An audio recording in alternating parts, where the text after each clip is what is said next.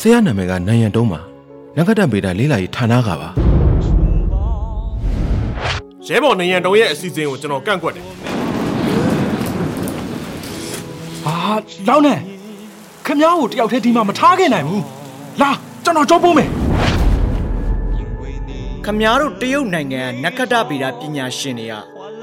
ကျွန်တော်တို့နဲ့ပညာချင်းဖလှယ်နိုင်တဲ့ဒန်းတူညီတူစွမ်းရည်ရှိနိုင်လိမ့်မယ်လို့ကျွန်တော်မထင်ဘူး နိုင်ငံအကျိုးတည်ဖို့ပါမယ်လို့ကိုယ့်အကိုခံယူထားတဲ့ငါတို့ပညာတတ်တွေကဒီလိုမျိုးအလျှော့ပေးရတော့မှာ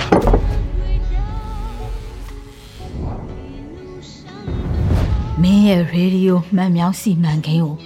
မဖြစ်ဖြစ်အောင်ဆက်လုပ်သွားရမယ်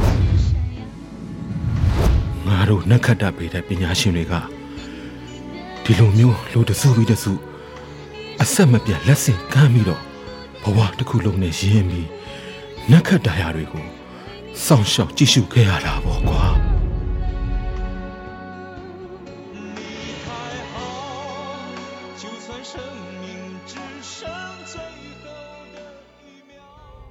ဒီလူကြီးကဘသူပါလဲဆရာနာမည်ကနိုင်ရန်တုံးပါနဂတဗေဒလေးလာရေးဌာနကပါခရစ်တက်ကရစ်1994ခုနှစ်ဇူလိုင်လ ဘေကျင်းမြို့မှာဒီအချိန်ဟာတစ်နှစ်ပတ်လုံးမှာအပူအိုက်ဆုံးရာသီအချိန်ပဲဖြစ်ပါတယ်လူတွေကအိမ်ထဲမှာမလုံမရှက်ထိုင်နေရင်တောင်မှတကိုယ်လုံးချွေးတွေထွက်နေတတ်ပါတယ်ဒီချိန်မျိုးမှာပဲဖွင့်ထားတဲ့ပဒင်းပေါက်ကနေပရစ်အော်ဒန်တွေအဆက်မပြတ်ဝင်လာနေတာဟာအင်မတန်မှစိတ်ရှုပ်ဖို့ကောင်းနေပါတယ်တရုတ်နိုင်ငံသိပ္ပံအကယ်ဒမီ Institute of Remote Sensing and Digital Art RADI သုတေသနဌာနက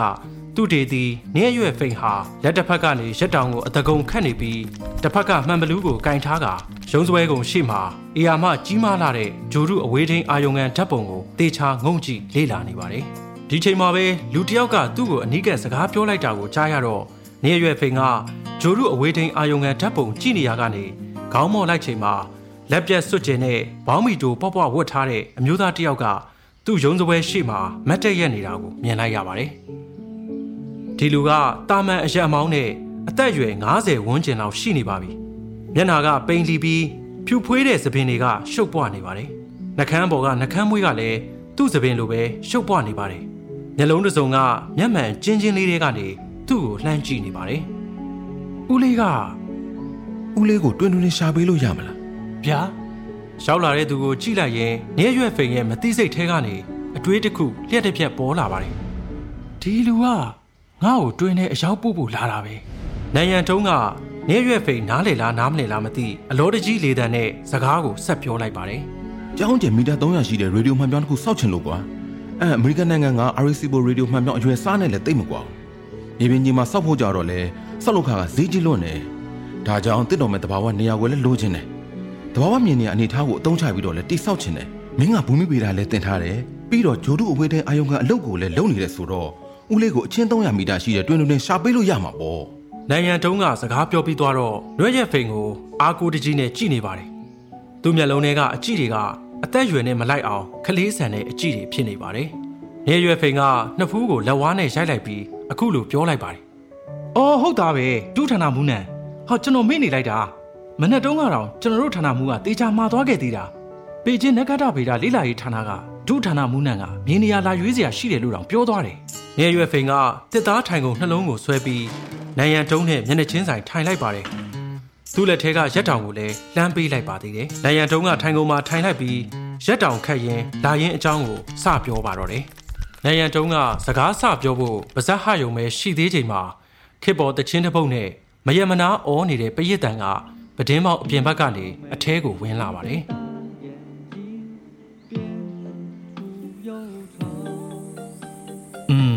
ခေပြောင်နန်းဟောင်းတချင်းဆိုသလိုဖြစ်နေပြီ။ဆရာနဲ့စိတ်မရှိနဲ့နော်။မျက်နှာချင်းဆိုင်ကကာရာအိုကေဆိုင်ကဖွင့်ထားတာမကြသေးတော့ဒီအပိုင်းမှာအပြက်ကိုကြော်ညာနေတာဗျ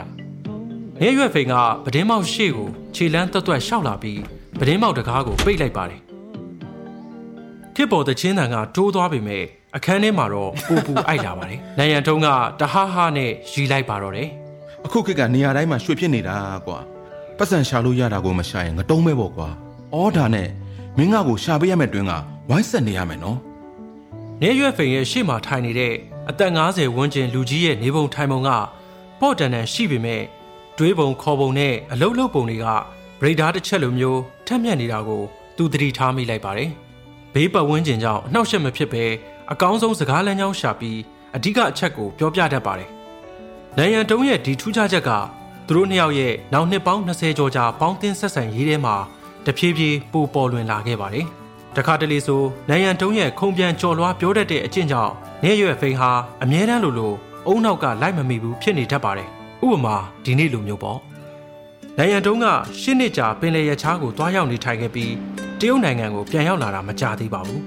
။လွန်ခဲ့တဲ့ရှစ်နှစ်တာကာလထဲမှာနိုင်ရန်တုံးကယူပနက္ခတ္တဗေဒပါရဂူအဖြစ်နဲ့တရုတ်နိုင်ငံအရှေ့မြောက်ပိုင်းဒေသမန်ကျိုးပြည်နယ်ကနေနိုင်ငံခြားကိုထွက်ခွာခဲ့တာပါ။ စိုက်ဘေးရီးယားကိုကြော်ဖြတ်ပြီးမော်စကိုမြို့ကိုရောက်ခဲ့တဲ့နောက်ဆိုဗီယက်ရုရှားနိုင်ငံကရေဒီယိုနက္ခတ္တဗေဒလေ့လာရေးဌာနနှစ်ခုကိုရှေ့စဉ်နောက်စဉ်တွားရောက်လေ့လာခဲ့ပါတယ်။အဲဒီနောက်မှာတော့မီးရထားစီးပြီးအနောက်ဘက်ကိုခရီးဆက်ခါမြေနှိမ်ဒေသတိုင်းပြည်ဖြစ်တဲ့နယ်သာလန်နိုင်ငံကိုရောက်ရှိခဲ့ပါတယ်။အဲဒီနိုင်ငံကနက္ခတ္တဗေဒလေ့လာရေးဌာနမှာအချိန်တစ်ခုကြာအလုပ်လုပ်ခဲ့ပြီးနိုင်ရန်တုံးဟာအရှိတ်ဘက်ကိုပြန်တန်းတဲ့လေယာဉ်ပြန်နဲ့ဂျပန်နိုင်ငံကိုထွက်ခွာခဲ့ပါတယ်။ ဂျပန်နိုင်ငံအမျိုးသားနက္ခတ္တဗေဒလေ့လာရေးဌာနမှာဧည့်သည်ပါမောက္ခအဖြစ်နဲ့1993ခုနှစ်အထိအလုပ်လုပ်ကင်ခဲ့ပါတယ်။အဲဒီနှစ်မှာပဲ International Union of Radio Science URSI အဖွဲ့အစည်းရဲ့24ချိန်မြောက်အစည်းအဝေးကိုဂျပန်နိုင်ငံတိုကျိုမြို့မှာပြုလုပ်ခဲ့ပါတယ်။အဲဒီအစည်းအဝေးမှာပဲနက္ခတ္တဗေဒပညာရှင်တွေကအဆိုပြုချက်တစ်ခုတင်ခဲ့ပါတယ်။ကဘာဂျိုရဲ့လက်စစ်တန်လိုက်ဆက်ဝန်လုံးဝမယိုယွင်းသေးခင်မှာနောက်ဆုံးအခွင့်အရေးနဲ့ အေယာမရေဒီယိုမှန်ပြောင်းကိုတိစောက်ခဲ့ကြပြီးစက်ကြဝဠာစတင်ဖြစ်ပေါ်လာတဲ့မူလအသွင်သဏ္ဍာန်ကိုနောက်ဆုံးအကြိမ်မြင်တွေ့ရဖို့စ조사ကြဖို့အဆိုပြုခဲ့တာပါနိုင်ငံတကာမှာတင်တာခေါ်ယူတဲ့အနေနဲ့အနာဂတ်ရဲ့ရေဒီယိုမှန်ပြောင်းကိုတိစောက်ဖို့သိပ္ပံပညာရှင်တွေကညှိနှိုင်းဆုံးဖြတ်ခဲ့ကြပါတယ်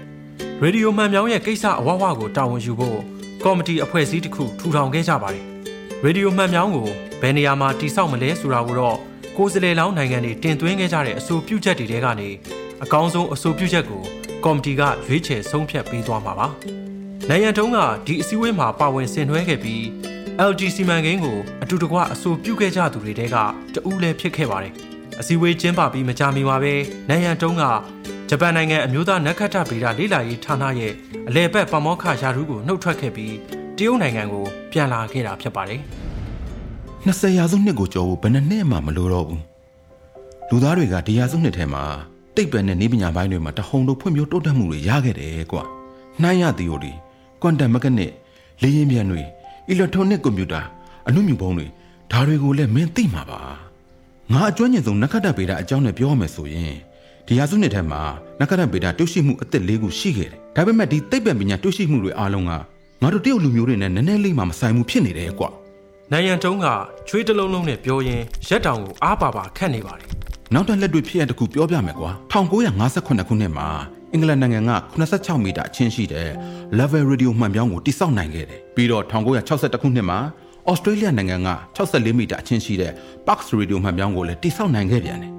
နောက်ပြီး1963ခုနှစ်မှာအမေရိကန်နိုင်ငံက305မီတာအချင်းရှိတဲ့ Arecibo Aperture Spherical Radio မှန်ပြောင်းကိုတိစောက်နိုင်ခဲ့တယ်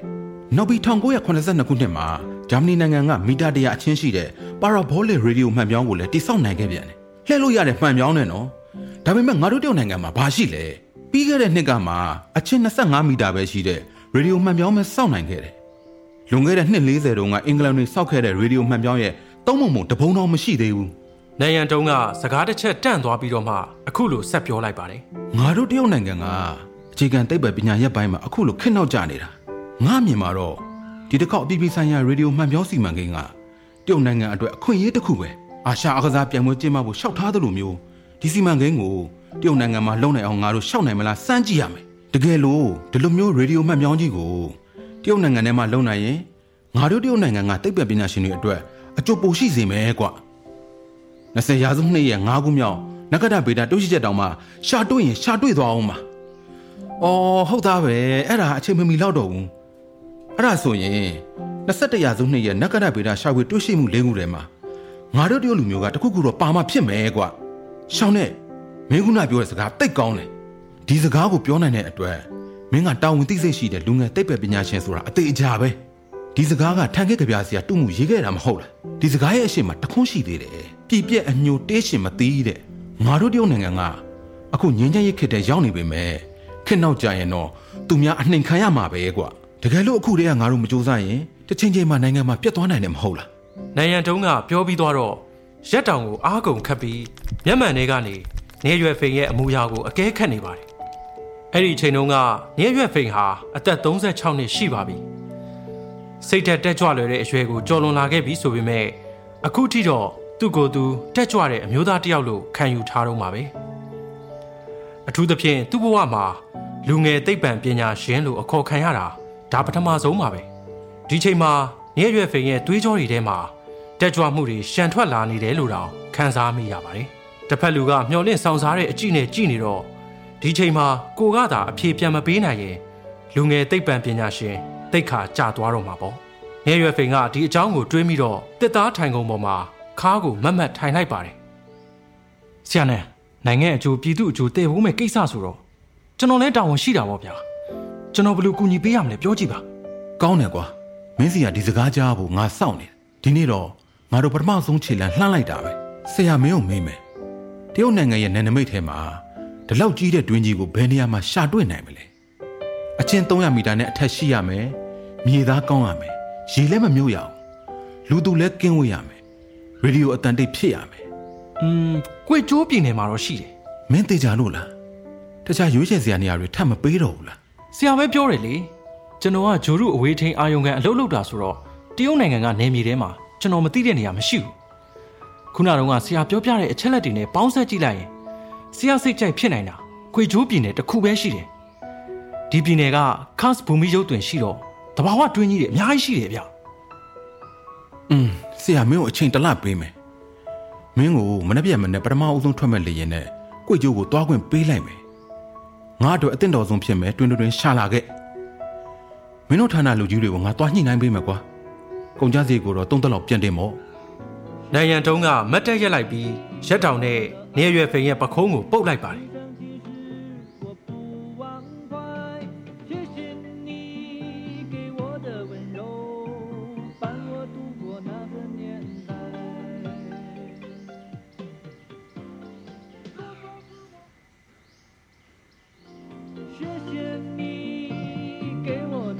的爱。နေရွယ်ဖိန်ကပဒင်းမောက်ကိုပြန်ဖွင့်လိုက်ပါတယ်မျက်နှာချင်းဆိုင်ကကာရာအိုကေဆိုင်ကတချင်းတန်တွေဟာနားထဲကိုပြန်ဝင်လာပြန်ပါတယ်နေရွယ်ဖိန်ဟာလက်ပြက်စွတ်ကျဲဘောင်းမီတိုပေါ့ပေါ့နဲ့ပိတ်ဖနက်ဝတ်ထားပြီးရက်တောင်တစ်ခက်ခက်နဲ့ခေါင်းငုံကထွက်သွားတဲ့နိုင်ရန်တုံးရဲ့နောက်ကျောကိုလှမ်းကြည့်နေမိပါတယ်ဂျိုရုအဝေးထိန်အာယုံငံဌာနနဲ့ digital ကမ္ဘာတုတေသနဝင်းတကားကနေထွက်သွားပြီးလမ်းမပေါ်ကလူသွားလူလာတွေကြားနိုင်ရန်တုံးပျောက်ကွယ်သွားတော့မှ ဟာဟာရက်တောင်ဒီစရာငါရက်တောင်ယူသွားပြီဒီယာဆိုရဲ့ရေတက်မှုမြေပဲလို့ခွာစီကိုဦးချောင်းတွေရမယ်ခြေထောက်နည်းနည်းဖယ်ပေးကြပါပေကျင်းကနေကိုရံမြို့ကိုသွားတဲ့အစိမ်းရောင်မီးရထားတွဲကြီးရဲ့ထိုင်ကုန်အမာနဲ့ရထားတွဲမှာနေရာလွတ်တစ်ခုမှမရှိပါဘူး။ဒါပြင်ရထားတွဲတစ်ခုနဲ့တစ်ခုချိတ်ဆက်ထားတဲ့တကားပေါက်နားမှာမတ်တက်လက်မှတ်ပဲရှာထားတဲ့ခီးသည်တွေကမတ်တက်ရက်နေတဲ့သူကရက်စောင်းကြောင်ထိုင်နေတဲ့သူကထိုင် ဖင်ထိုင်ရက်ထိုင်နေတဲ့သူကထိုင်နေကြပါတယ်။မီးရထားဝန်ထမ်းကစိတ်ရှိရှိနဲ့ဈေးလဲလေးကိုတွန်းပြီးလူတွေကြားထဲမှာသွာလာနေပါတယ်။ဈေးလဲရောက်တဲ့နေရာတိုင်းမှာလူအုပ်ကြီးကကိုယ်အသိစိတ်ထက်နဲ့ကိုလမ်းဖယ်ပေးနေကြပါတယ်။မီးရထားဝန်ထမ်းနဲ့ဈေးလဲလေးကြော်သွားတော့မှလူအုပ်ကြီးကသူ့နေရာသူပြန်ယူနေကြပုံကဟာကွက်တစ်ခုမှမရှိပါဘူး။ဒီလိုအံ့ဩစရာကောင်းတဲ့မြင်ကွင်းကို နေရွယ်ဖေရဲ့အုံနောက်ထဲမှာအခုထိမှတ်မိနေတော့မှာပဲ။နှစ်ပေါင်းများစွာကြာခဲ့ပေမဲ့ဒီအဖြစ်အပျက်လေးကတဘာဝလွန်ဖြစ်ရလိုမျိုးအမြဲတည်ရှိနေပါတယ်။ဈေးလဲကိုတွန်းပြီးလူအုပ်ကြားထဲမှာမိရထားဝန်ထမ်းပျောက်ကွယ်သွားတော့မှနေရွယ်ဖိန်ကတတွေးတစ်ချက်မျိုးချလိုက်ပြီးရဲစည်းတင်က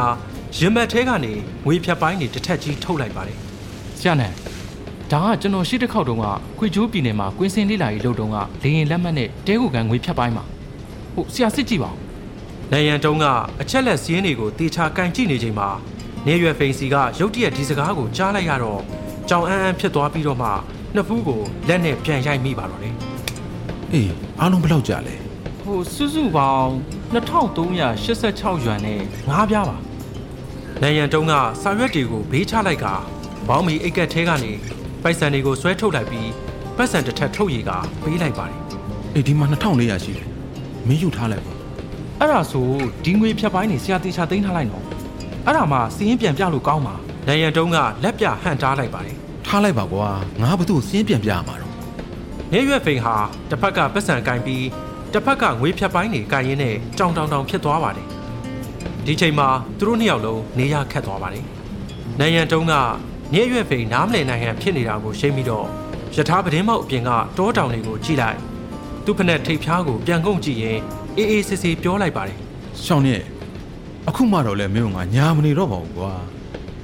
တကယ်တော့ငါလုံနေတယ်အပြည်ပြည်ဆိုင်ရာရေဒီယိုတယ်လီစကုပ်ရဲ့တရုတ်နိုင်ငံစီမံကိန်းကုမ္ပဏီအဖွဲ့ဆိုတာအခုမဲ့ရှိတဲ့ကုမ္ပဏီကွာဗျာနန်ရန်တုံးကခေါင်းပေါ်ပြီးနေရွက်ဖိန်ရဲ့မျက်လုံးကိုကြည့်လိုက်ပါတယ်စကားတခွန်းရှိဘူးတယ်ကွာမင်းကြားဘူးမလားတော့မသိဘူးဟုတ်ဆရာဘာစကားများလဲဘာစကားလဲဆိုတော့ တီထွင်သူတွေကရှုံးနေမှုနည်းနည်းပဲလို့တော့တဲ့လူလိမ်လူညာတွေတဲ့အဲလူလိမ်လူညာဆိုတာကအောင်မြင်ဖို့နည်းနည်းပဲလို့တော့တဲ့တီထွင်သူတွေတဲ့ကွာနေရွယ်ဖိန်ကခေါင်းခါလိုက်တော့ချွေးစည်းတွေကလေကုတ်ကနေအင်းကြီးတဲကိုစီးဝင်သွားပါတယ်အခုအပြင်မှာလူတော်တော်များများကငါ့ကိုလူလိမ်လို့ပြောနေကြတယ်။ငဝင်ဆိုးတဲ့စကားတွေပြောကြတယ်ကွာ။သူတို့ငါအပြစ်မတင်ပါဘူး။ငါဒီတစ်ခေါက်လောက်တာဟိတ်ဟန်ငါတို့ကြီးကြံနေတာအမှန်ပဲ။ အခုငါတို့စကားပြောနေတဲ့အချိန်မှာပဲငါတပည့်ရန်ကြီးဟွာကနယ်သာလန်နိုင်ငံကဟိတ်မြို့တော်ကိုရောက်နေလောက်။ तू ကအပြစ်ပြဆိုင်ရာနက္ခတ္တဗေဒတမကအသင်းရဲ့22ကြိမ်မြောက်အစည်းအဝေးမှာတရုတ်နိုင်ငံကရေဒီယိုမှတ်မြောင်းကိုတာဝန်ယူတိစောက်ဖို့တွားလျှောက်ပါလေ။တကယ်လို့မအောင်မြင်ဘူးဆိုရင်နိုင်ငံတကာအလဲမှာငါတော့ရည်စရာဖြစ်သွားလိမ့်မယ်နိုင်ငံညားထိသွားပြီးအဆက်ကွဲရမှာကွာအဲ့ဒါကြောင့်ဒီကိစ္စကအခုနောက်ဆုတ်စရာလမ်းဝင်မရှိဘူးမင်းလည်းလူလင်တယောက်ဆိုပြီးတော့အပြောမခံချင်ဘူးမဟုတ်ဘူး နေရွယ်ဖိန်ရဲ့စိတ်ထဲမှာရုတ်တရက်အတွေးပေါင်းစုံဝင်ရောက်လာပါတယ်ဒီနှစ်ဝက်လုံးလုံးကွေချိုးပြည်နယ်တစ်ခုလုံးကိုသွားခဲ့ပြီးဂျိုရုအဝေးထိန်အာယုံငံမြေပုံနဲ့တဘာဝတွင်းတွေဂျိုင်းနေအရွယ်စုံစိုက်စုံရှာဖွေခဲ့ရပါတယ်အိမ်ပြန်ရောက်တော့လေနေရွယ်ဖိန်ဟာ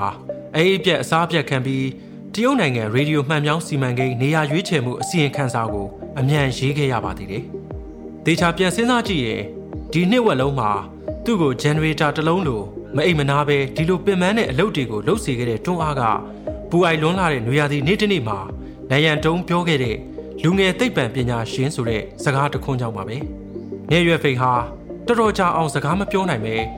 အုံနောက်ထဲမှာရုပ်ရှင်ပြန်ကြည့်တယ်လို့မျိုးဒီနှစ်ဝက်လုံးမှာပင်ပန်းခဲ့ရတဲ့အတွေ့အကြုံတွေကိုပြန်စဉ်းစားရင်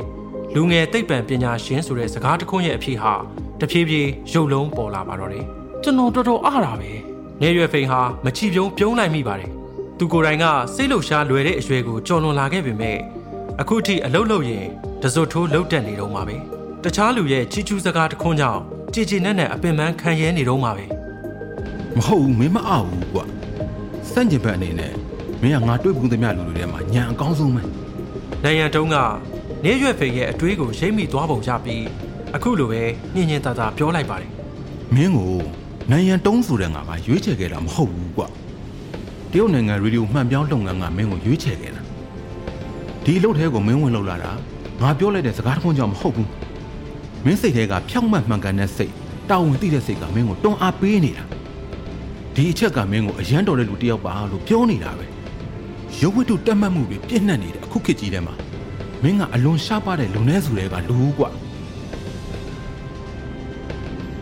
နိုင်ရန်တုံးကတစ်ချက်ရက်လိုက်ပြီးတော့မှစကားဆက်ပြောပါတယ်လေးစားစရာကောင်းတဲ့ဘယ်လုပ်ငန်းမဆိုအကုန်လုံးတုံညာကနေစလာတာကြီးပဲငါတို့အခုလုပ်နေတာကတုံညာကနေတစ်ဖြစ်လာအောင်လုပ်နေရတာအခက်ခဲဆုံးပဲပေါ့ကွာငါတို့ကိုလူလိမ်ဆိုပြီးတော့ကဲ့ရဲ့နေကြတဲ့လူတွေက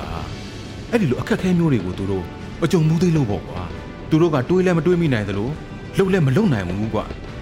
ငါကတော့ဘာပဲဖြစ်ဖြစ်ကိစ္စမရှိဘူးလူလိမ်ပဲဖြစ်ဖြစ်တိတ်ပံပညာရှင်ပဲဖြစ်ဖြစ် သူတို့ကြိုက်တယ်လို့ပြောနိုင်တယ်တမိုင်းကအဖြစ်မှန်ပေးသွားနိုင်လိမ့်မယ်လို့ငါယုံကြည်တယ်မင်းအနေနဲ့မင်းစိတ်ကိုမင်းပြန်မေးကြည့်ဖို့ကွာငါလိုအခွန်မဲရှိတဲ့ကုမ္ပဏီနဲ့မင်းလက်တွဲပြီးဆက်လုပ်မလားဆိုတာစဉ်းစားဖို့ကွာအချိန်မီနှုတ်ထွက်လို့လည်းရတယ်နော်ဒီယာဆိုရင်ရသက်မှုမြေပဲလောကွာရှိဝုတ်ချောင်းတွေရမယ်။နောက်နည်းနည်းဖယ်ပေးကြပါ။မီးရထားဝန်ထမ်းကဈေးလဲကိုတွန်းပြီးပြန်လှည့်လာပါတယ်။ဈေးရောက်နေတဲ့အတန်ကသူတို့နှစ်ယောက်စကားပြောနေတာကိုရက်သွားစီပါတယ်ဟုတ်န မီးရထားဝန်ထမ်းရဲဘော်ညီမကြီးရှောင်းအောင်အရက်တပလင်းပေးပါဟိုနှစ်ပလင်းမဲ့ပေးလိုက်ပါရေဘက်တော့တစ်ထုပ်လည်းပေးပါဦးနိုင်ရန်တုံးကအရင်ဥအောင်ထားလိုက်ပြီးရထားဝန်ထမ်းလက်ထဲကိုပတ်စံထည့်ပေးလိုက်ပါတယ်ဆရာနဲ့အခုလိုယုံကြည်ပေးတဲ့အတွက်ကျွန်တော်စွန့်စားမယ်ဗျာဒီနေ့တော့ကျွန်တော်တို့နှစ်ယောက်ကောင်းကောင်းတောက်ရအောင်မင်းငါနဲ့အလုပ်လုပ်ရင်အရင်ခက်ခဲလိမ့်မယ်မင်းစိတ်ထဲမှာကြိုတင်ပြင်ဆင်ထားမှရလိမ့်မယ်ဘလောက်ခက်ခဲမှမလို့လေဗျာကျွန်တော်စမ်းကြည့်ရသေးတာ